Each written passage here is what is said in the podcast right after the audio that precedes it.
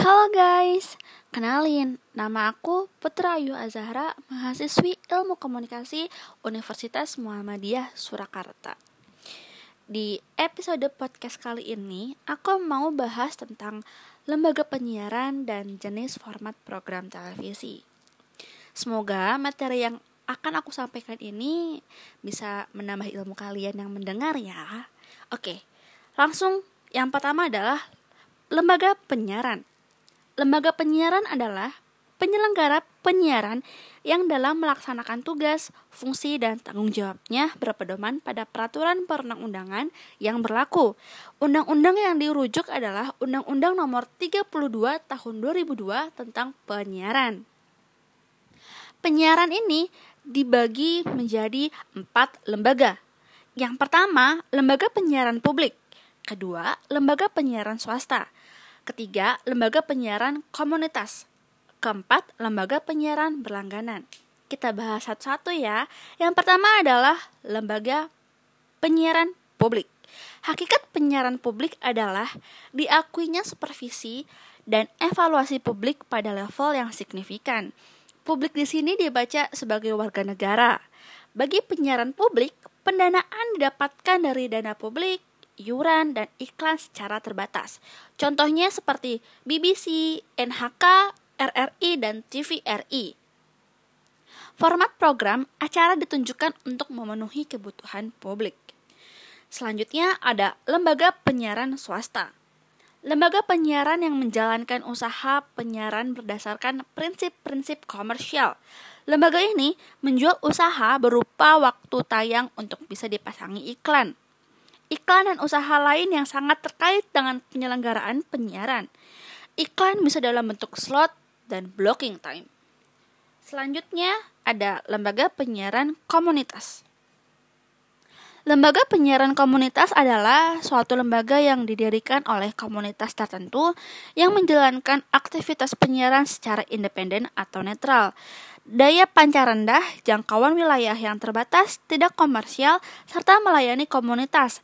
Lembaga penyiaran komunitas tidak boleh komersial, yang penting penyiaran komunitas tidak boleh dimiliki atau berafiliasi dengan kelompok usaha yang mencari untung semata.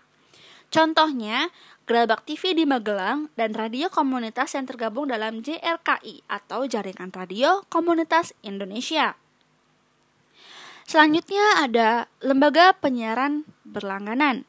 Lembaga penyiaran yang memancar luaskan atau menyalurkan materi siaran secara khusus kepada pelanggan melalui radio, televisi, multimedia, atau media informasi lainnya. Dalam memancar luaskan siarannya, Lembaga penyiaran berlangganan dapat menggunakan satelit kabel atau melalui terestrial. Contohnya seperti MNC Sky Vision, UCTV, Mola TV, dan sebagainya.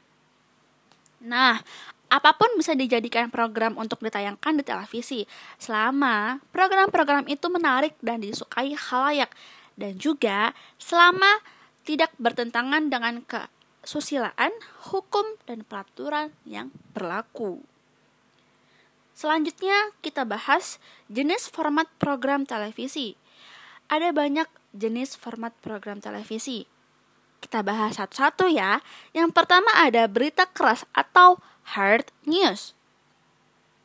Berita keras atau hard news yaitu semua informasi penting dan menarik yang harus segera disajikan oleh media penyiaran karena sifatnya harus segera ditayangkan agar dapat diketahui halayak secepatnya.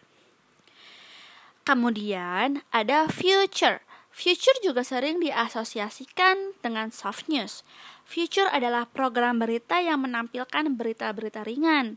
Contohnya adalah informasi tentang tempat makan yang enak atau tempat liburan yang menarik. Pengertian menarik di sini adalah informasi yang lucu, unik, aneh, menimbulkan kekaguman, dan sebagainya. Selanjutnya ada infotainment. Infotainment berisi informasi ringan seputar dunia selebritis.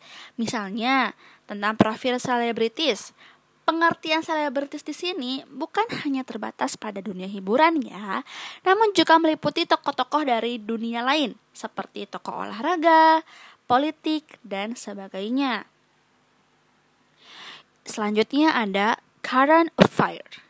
Current Affair adalah program yang menyajikan informasi terkait dengan suatu berita penting yang muncul sebelumnya namun dibuat secara lengkap dan mendalam cukup terikat dengan waktu.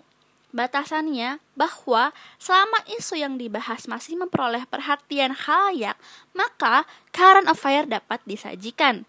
Misalnya, program yang menyajikan cerita mengenai kehidupan masyarakat setelah ditimpa bencana alam dahsyat seperti gempa bumi atau tsunami. Selanjutnya ada dokumenter. Dokumenter adalah program informasi yang berisi rekaman yang bertujuan untuk pembelajaran dan pendidikan, namun disajikan dengan menarik. Misalnya, menarasikan tentang suatu tempat, kehidupan atau sejarah seorang tokoh, kehidupan atau sejarah suatu masyarakat, atau kehidupan hewan di hutan, dan sebagainya. Program dokumenter ada kalanya dibuat seperti membuat sebuah film sehingga sering disebut dengan film dokumenter. NGC atau NGC dan Discovery merupakan stasiun televisi yang secara khusus menayangkan dokumenter. Selanjutnya ada reality show. Reality show adalah program acara televisi yang menampilkan suatu peristiwa berlangsung apa adanya natural dan tanpa skenario. Selanjutnya ada talk show. Talk show adalah program atau perbincangan uh, yang mana program ini menampilkan suatu atau beberapa orang untuk membahas suatu topik tertentu dipandu seorang pembawa acara atau host. Kemampuan host menjadi sangat penting di sini yang diundang adalah orang-orang yang berpengalaman langsung dengan peristiwa atau topik yang diperbincangkan atau mereka seorang ahli dalam masalah yang tengah dibahas. Selanjutnya ada drama. Kata drama berasal dari bahasa Yunani yang memiliki arti bertindak atau berbuat atau dalam bahasa Inggris berarti action. Program drama adalah pertunjukan atau show yang menyajikan cerita mengenai kehidupan atau karakter seorang atau beberapa orang tokoh yang diperankan oleh pemain atau artis yang melibatkan konflik dan emosi. Drama terbagi menjadi dua, yaitu ada sinetron dan film. Kita bahas sinetron dulu ya. Di luar negeri, lebih dikenal dengan sebutan opera sabun atau soap opera dan telenovela. Istilah sinetron hanya dikenal di Indonesia. Sinetron merupakan drama yang menyajikan cerita dari berbagai tokoh secara bersamaan. Meskipun Sinetron e, merupakan drama yang menyajikan cerita dari berbagai tokoh secara bersamaan. Masing-masing tokoh memiliki alur cerita mereka sendiri-sendiri tanpa harus dirangkum menjadi suatu kesimpulan. Akhir cerita sinetron cenderung selalu terbuka dan sering kali tanpa penyelesaian atau open-ended. Cerita cenderung dibuat berpanjang-panjang selama masih ada halayak yang menyukainya, sinetron akan terus ditayangkan. Selanjutnya kita bahas film. Film di sini adalah film layar lebar yang dibuat oleh perusahaan-perusahaan film karena tujuan pembuatannya adalah untuk layar lebar atau teater. Maka biasanya film baru bisa ditayangkan di televisi setelah terlebih dahulu dipertunjukkan di bioskop. Televisi kabel berlangganan seperti HBO, Fox, dan sebagainya secara khusus menayangkan film. Selanjutnya, jenis uh, format program televisinya adalah game show. Suatu bentuk atau program yang melibatkan sejumlah orang, baik secara individu ataupun kelompok, yang saling bersaing untuk mendapatkan sesuatu, menjawab pertanyaan, dan atau memenangkan suatu bentuk permainan terdiri dari quiz show, permainan ketangkasan, dan kadang juga dikemas dengan pendekatan reality show. Yang selanjutnya adalah program musik. Program musik dapat ditampilkan dalam dua format, yaitu video klip atau konser. Program musik ini dapat dilakukan di lapangan atau outdoor, ataupun di dalam studio atau indoor. Program musik di televisi ditentukan dengan kemampuan artis yang menarik halayak. Tidak saja dari kualitas suara, tetapi juga berdasarkan bagaimana mereka mengemas penampilannya agar menjadi menarik. Yang terakhir adalah pertunjukan.